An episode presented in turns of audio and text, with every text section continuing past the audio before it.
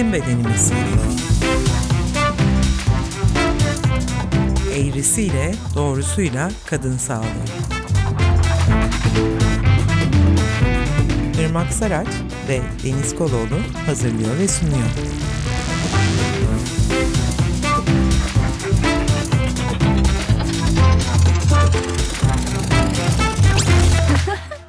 Herkese merhaba. Bizim Bedenimiz podcast'imizin 20. bölümüyle karşınızdayız. Ben Irmak Saraç. Merhaba, ben de Deniz Koloğlu. Hoş geldiniz. Jinekolojik muayene serimizin 5. bölümüyle karşınızdayız. Bu bölümde de bir konuğumuz olacak. Sevgili Aslı Alpar konuğumuz. E, Aslı ile bizim yollarımız Jinekolog Muhabbetleri kitabı hazırlanırken e, kesişmişti. Bu vesileyle kendisini bugün konuk ediyoruz. Hoş geldin Aslı. Hoş bulduk, merhaba. Bize kısaca kendini tanıtsana Aslı. Kısaca tanıtayım. Yani bu çalışma kapsamında tanıtayım aslında biraz. Bu konuyla ilgilenmem tabii ki hem aktivist olmam e, hem de jinekoloğa giden birisi olmamla ilgili. Kaos GL Derneği'nde çalıştığım dönemde 2017 e, yılında, 2017 Nisan ayında e, bize gelen bir e-posta üzerine başladığımız bir çalışmayla başladığımız bir iş oldu jinekolog muhabbetleri. Aslında gazetecilik e, yapıyordum Kaos GL'de ve bu gazetecilik faaliyetimizin bir parçası oldu bu kitapta, bu araştırmada. E, onun dışında bir de karikatüristim. Zaten biraz sonra yani jinekolog muhabbetleri üzerine bol bol konuşacağız diye burada bitireyim. İşte böyle. Bu arada bu jinekolojik muayene serimizin son programı. Kapanışı senle yapıyoruz Aslı. Çok havalı. Evet, çok havalı ve çok heyecanlı. teşekkür ederim. Benim için de öyle. Şey istedik, jinekolog muhabbetlerinden bahsederken hem bir daha bir gündeme gelmiş olsun. 2020'de kitaplaşmıştı sanırım. Hem de bizim bu birkaç bölümü şöyle bir toparlayalım. Ya amaç sonuçta ortaya bütünlüklü bir jinekolog e, muayenesi nedir, jinekolojik muayene nedir? Re bir daha bir koyalım idi. İstersen başlayalım şeyi sorarak. Jinekolog muhabbetlerinin çıkış öyküsünü biraz önce sen de anlatır gibi oldun zaten. Ve tam muhteviyatı nedir? İsminden telli ama hani senden bir duymak isteriz. Ve daha sonra da bu çalışma nasıl kitaplaştı onu soracaktık. Tabii ya şöyle bizim Kaos GL Derneği LGBT artı hakları için çalışan bir dernek. Ben de bu dernekte derneğin web sitesinde gazeteci olarak çalışıyorum o dönem. 2017'den bahsediyorum. Bir gün bize bir e-posta geldi. E-postada Irmak diye lezbiyen bir arkadaşımız böyle dert yakınmış. Yani jinekoloğa gittiği zaman yaşadığı sorunlar, artı ayrımcılık, artı jinekoloğa giderken ki kaygıları bunları dillendirmiş ve demiş ki ya galiba ben tek değilim çünkü biz kendi arkadaşlarımızla bile konuştuğumuz zaman aslında birden fazla kişi olduğumuzu düşünüyoruz. Yani bu sistematik bir şey olabilir. Bu konuya dair ne yapabilirsiniz diye bize bir soru sormuştu derneğe.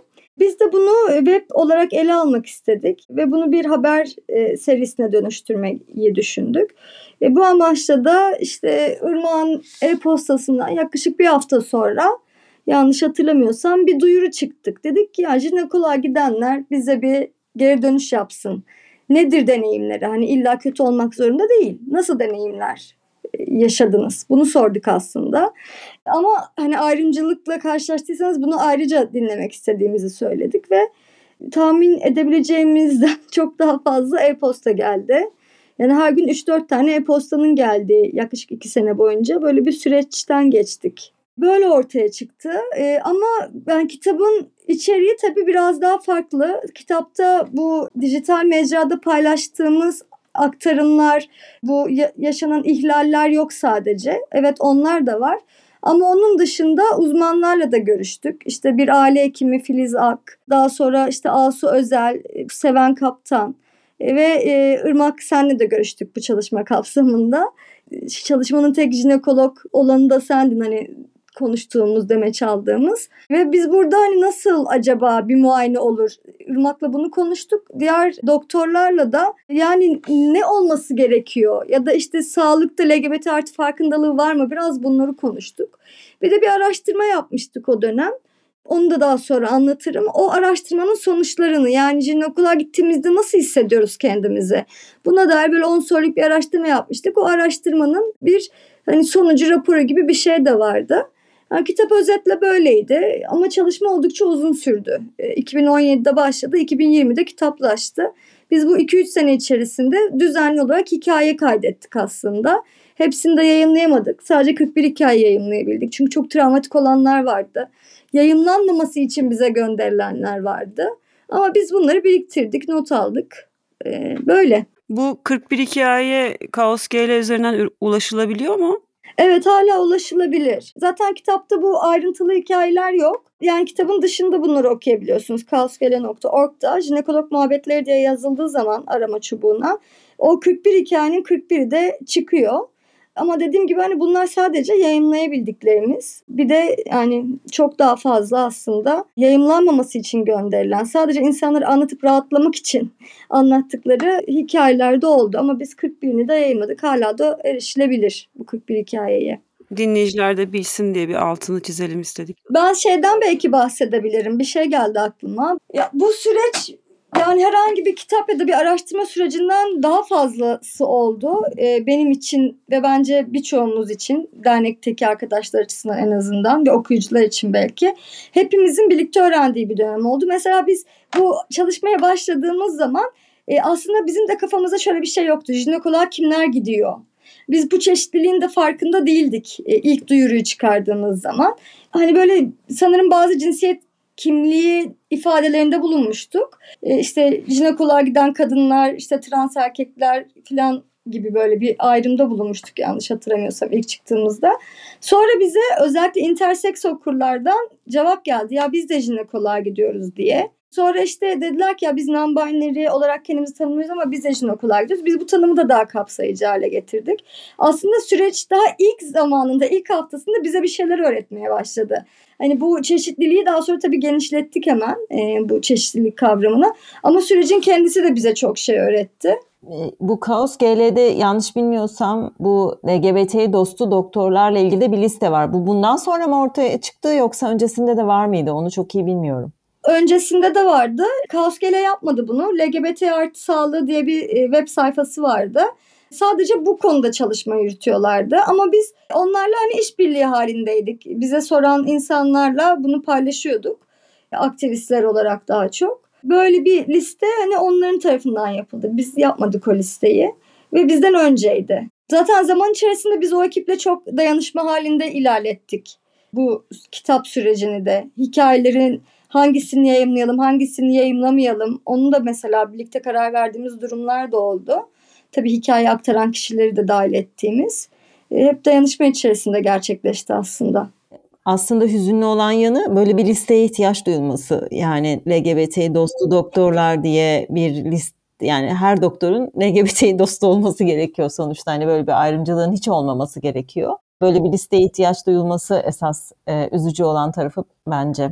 LGBT artılara daha sonra heteroseksüel kadınlar da eklendi değil mi bu çalışma sürecinde? Evet ya biz zaten sadece LGBT artılar diye sınırlamamıştık. Yani daha çok işte eşcinsel biseksüel kadınlar ya da işte kendisini kadın olarak tarif eden herkes e, diye tanımlamıştık. Daha sonra trans erkeklerin de tabii ki jinekoloğa gideceğini bize trans erkek arkadaşlar hatırlattı. Onları ekledik. Daha sonra bu e, şey tanımı daha da genişlettik aslında ve dedik ki yani jinekoloğa giden herkesten bekliyoruz dedik ve sadece hetero kadınlar değil aslında çok çeşitli skalada insanların, jinekolog deneyimi olan insanların bize ulaştığı bir süreç oldu.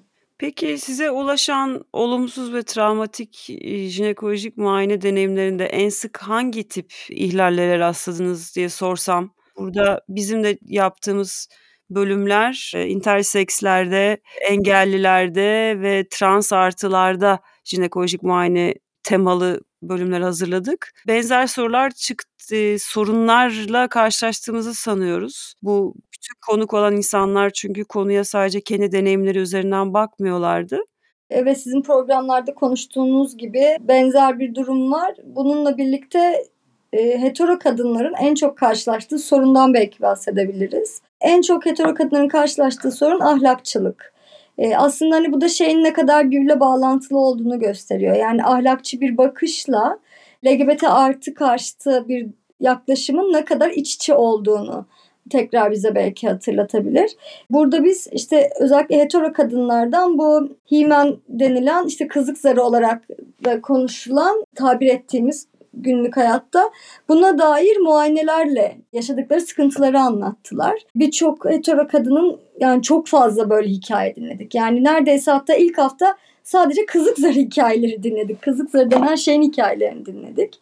Ve gerçekten çok travmatiklerdi. Daha sonra bence trans kadınların yaşadığı deneyimler yani bize gelen aktarımlar hani şu daha travmatikti bu daha travmatikti demiyorum.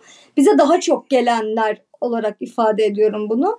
Çok fazla trans kadın arkadaşımızdan vulvanın şekline dair, vulvanın yapısına dair çok ayrımcı ifadeler, cümlelerle karşılaştıklarını anlatan çok fazla mail aldık. Çok birebir görüşme yaptık. Hatta bazıları yazamadı. Yüz yüze ya da online görüşmelerle e, bunu açabildik bu konuyu. Yani bizim böyle en çok duyduğumuz iki şey bu oldu bu çalışmada. Hetero kadınlardan e, ahlak üzerine yaşadıkları sıkıntılar ve trans kadınların da vulvanın şekli üzerine yaşadıkları sıkıntılar oldu. Şimdi bu bahsettiğin ahlakçılık, ayrımcılık, işte himen illeti falan gibi bir takım alt başlıklar var. Onları hep birlikte bir şöyle göz önünden geçirsek biz sana şöyle yardımcı olacağız.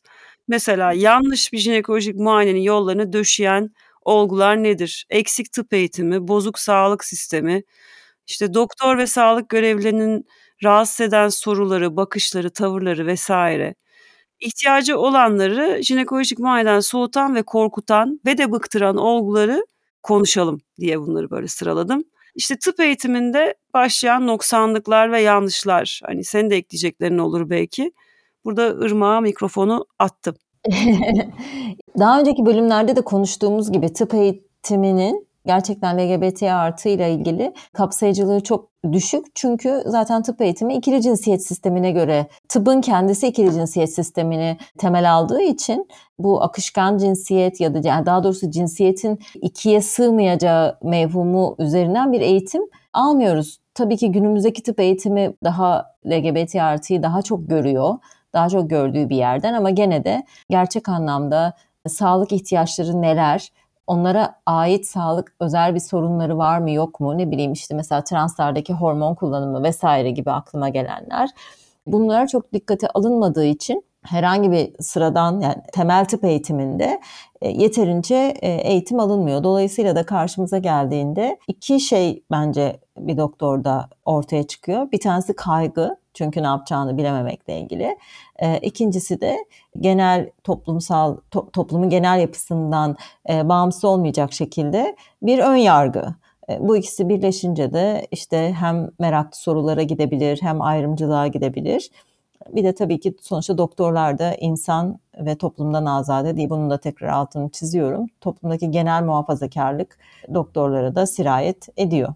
Çökük sağlık sistemi deyince de e, koskoca bütün sağlık sistemini, sağlık ülkenin geçmişini değişmeye gerek yok ama en basitinden e, engelleri kapsamayan yani kapsayıcı olmayan bir sağlık sisteminden bahsedebiliriz. Burada siz de sanırım engellerin deneyimine az da olsa yer verebildiniz. Biraz ondan bahsetmek ister misin Aslı?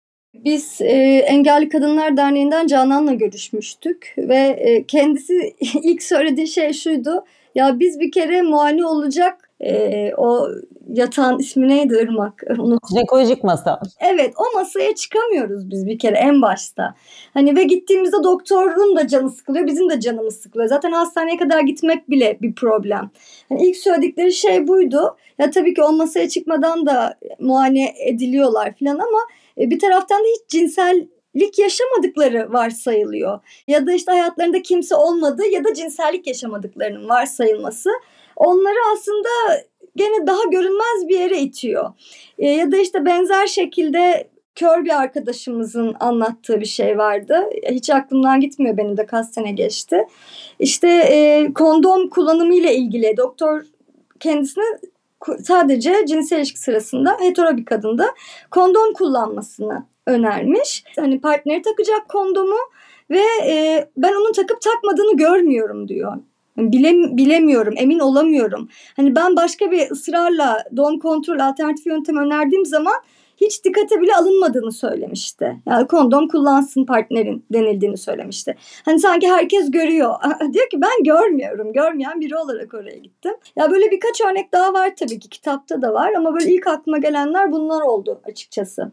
Zaten bizim de Benay Gözkaman Özgün'le konuştuğumuzda engelli kadınların birincil probleminin yani maruz bırakıldığı şeyin cinsiyetsizleştirilmek olduğu söylemişti.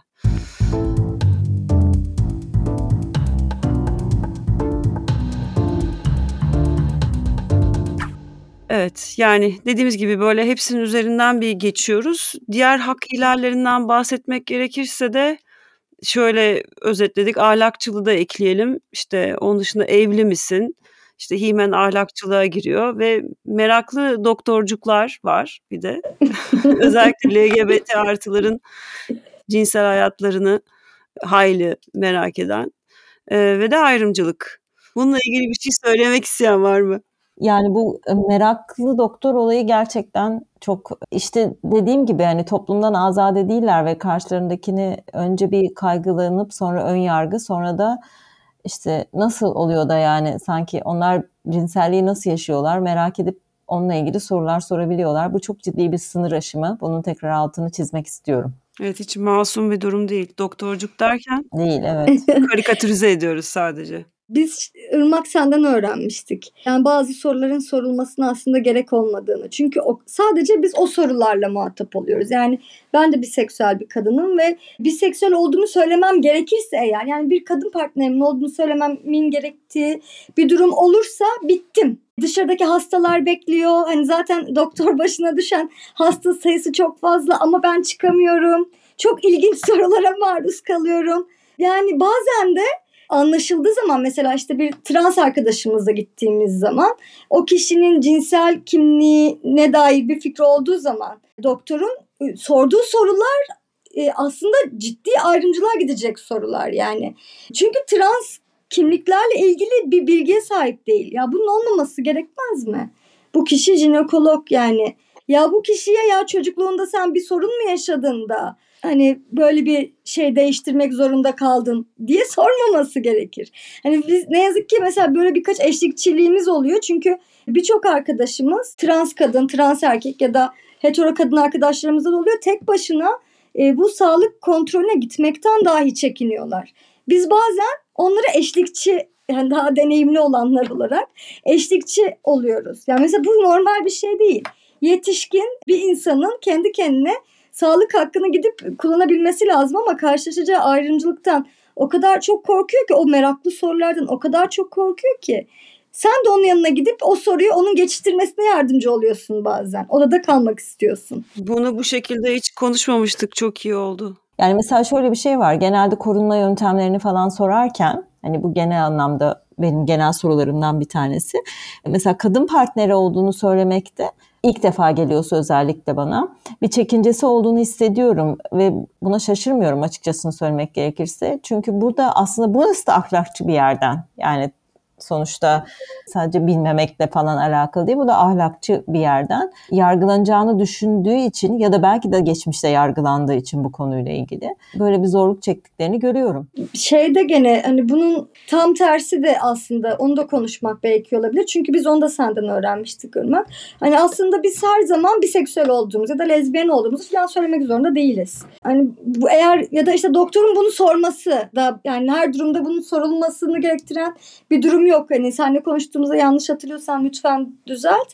İşte hani e, belirgin bir işte değişik bir şey görülürse işte bir ne bileyim vulvada, vajinada işte bir değişik bir yara hani bunun neden olduğu belki sorulabilir. Neyle olduğu sorulabilir gibi bir şey konuşmuştuk. Hani ama böyle işte kadın partnerin olmasıyla hani bu şekilde böyle meraklı soruların olmaması gerektiğine dair bir konuşmamız olduğunu hatırlıyorum biz her gittiğimizde söylememiz de gerekiyormuş gibi hissediyorduk açıkçası. Sonuçta cinsel yönelim direkt olarak söylenilmesi gereken bir şey değil. Sorulması gereken de bir şey değil. Yani şöyle diyelim ki ben hani gebelikten korunmak için herhangi bir yöntem kullanıyor musunuz sorusuna kullanmıyorum çünkü bir kadın partnerim var diyebilir biri. Zaten konu orada biter aslında. Ama ben hiçbir zaman kimseye pardon sizin cinsel yöneliminiz kim nedir diye sormam. Ya da mesela biseksüeldir ve korunuyorum. Neyle korunuyorum? Atıyorum kondomla korunuyorum der. Tamam derim. Ve de ben orada onun aynı zamanda kadınlarla beraber olup olmadığını sorgulamam. Yani konunun sınırlı kalması önemli burada. Uzatmamak, e, oradan başka yerlere dolaşmamak. e, Buralar önemli. Bir de şöyle bir durum da var. Yok sayılması da rahatsız edici bir durum. Mesela kadın partnerin olduğu zaman, e, bir kadının kadın partneri olduğu zaman e, hiç insanın aklına gelmemesi ve işte cinsel olarak aktif olduğunu belirttiğin zaman doğrudan işte hamilelik düşünüp düşünmediğini ya da hamileliğe karşı korunup korunmadığının sorulduğu bir dönem var ya hani orada da hani hiç aklına başka bir yönelimin olmayacağı ya bu nasıl söylenir doktorlar bunu nasıl ifade eder bilmiyorum ama sadece bir kadının e, hetero bir erkekle birlikte olduğunun varsayılması da bazen rahatsız edici bir durum olabiliyor. Ama tabii yaşadığımız derin ayrımcılıklar arasında bu böyle daha masum bir yerde kalıyor. Hani belki daha net farkındalıklarla ancak düzelebilecek bir şeydir. Ama ben bunu da böyle hatırlatmanın önemli olduğunu düşünüyorum bizi dinleyecek olan doktorlara. Tabii canım biz her şey mükemmelmiş gibi konuşmaya devam edeceğiz. evet. Yani bizi dinleyen, önemseyen bir sağlık sistemi ve devletli dünyası olduğunu düşünerek her şeyi her zaman Evet. Biz söyleyelim de hani 50 yıl sonra mı olur? Yani olmaz mı? Biz söyleyelim ama gerçekten. Bu üreme yani senin söylediğin yerden mesela kendi pratiğimde de şeyi çok net fark ediyorum. Aslında gebelikten korunmanın ne kadar daha çok önceliklendirildiğini ama cinsel aktaran enfeksiyonların nasıl hiç konuşulmadığı. O da tek eşlilik varsayımından geliyor. Bir kişi tek partnerli olmalı ya da işte ömrü billah zaten evli ya hani evlilik dışı zaten olmayacak. Hadi oldu o da tek olacak. zaten bir dakika evli değilse cinsel hayatı mı var? İşte olursa da bir kişiyle olacak yani. Olursa o, o bile olursa bir kişiyle olacak. Lütfen sözlerimize dikkat edelim. O yüzden de cinsel yolu aktaran enfeksiyonların nasıl hiç konuşulmadığı, e, gebelikten korunuyorsa atıyorum mesela doğum kontrol hapı kullanıyor bir kadın. Gebelikten korunuyorsa tamam başka hiçbir şeyi yokmuş varsaymak. Çünkü onu tek partnerli varsaymak. Yani e, tabii ki şöyle bir soru asla olamaz. Pardon tek partnerli misiniz sorusu bence bir sınır ihlali. Ama genel anlamda bu bilgilendirme yapılabilir. Yani part, birden fazla partneriniz varsa, partnerinizin birden fazla partneri varsa cinsel yolu aktaran enfeksiyonlar açısından risk grubundasınız. Hani bu konuda da danışmanlık verilebilir. Ama pardon sizin kaç partneriniz var sorusu sorulmaz. Altını çizeyim. Bir de e, başka türlü doktorlar da oluyor. Şimdi program yerimi bilmiyorum ama kesinlikle cinsel yolla bulaştığını bildiğimiz bir enfeksiyon HPV e, virüs yani. Bunun tuvaletten oradan buradan aman efendim hijyen değilsen oradan da bulaşabilir diyerek a- aile birliğini korumaya çalışan doktorlar da oluyor. Valla gülüyoruz ama çok yakınımda oldu ve ben hani kendi bilgimden tereddüt edip açıp Irmak'a sordum. Irmak dedim ya başka türlü bulaşıyor mu bu meret? Hayır dedi. Böyle ilginç doktorlar da var. Bu insanlar lisanslı, arkasında diploması asılı. Ya şöyle şeyler söylemek lazım. Bilinen bilimsel gerçekler şu andaki. Cinsel yol aktarıldığı ne zaman bulaştığının tam olarak bilinemeyeceğinin ötesinde bir şey söyleyemeyiz. Tabii canım eşittir kocan seni aldatıyor de- demiyoruz ama tuvaletten aldın da deme yani. Yok onu demek evet doğru değil. Zaten tuvaletlerle ilgili çok genel bir korku var. Bunu daha fazla pekiştirmeye gerek yok. Benim ortaokuldaki hocam hamile kalacağımı bile söylemişti. Evet, evet. Evet, çocuklar hamile kalırsınız oturmayın diyen bir Türkçe hocamız vardı rahmetli. Hı hı. Oturmadan önce silin. Değil mi? Oturmadan önce bir silin. Oturma zaten dışarıdaki tuvalete. Şimdi beni sinirlendirtmeyin ya. Bu arada aşı karşıtı doktor da var mesela. Aşı karşıtı hani HPV aşısını ısrarla yaptırmayın diyen doktor da var. Jinekolog da var. Ne yazık ki yani. Doğru.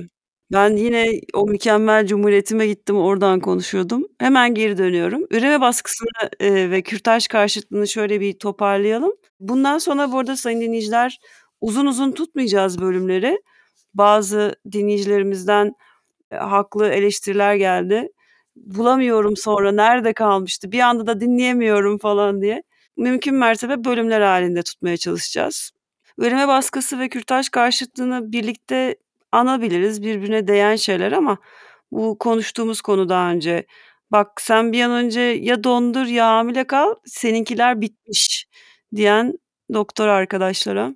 Evet, Irmak söyleyeceğin tekrar bir şey var mı? ya bir kadının üreyeceği varsayılıyor. Yani bir kadının, her kadının daha doğrusu anne olmak istediği gibi bir inanç var. Nereden geliyor bu inanç bilmiyorum.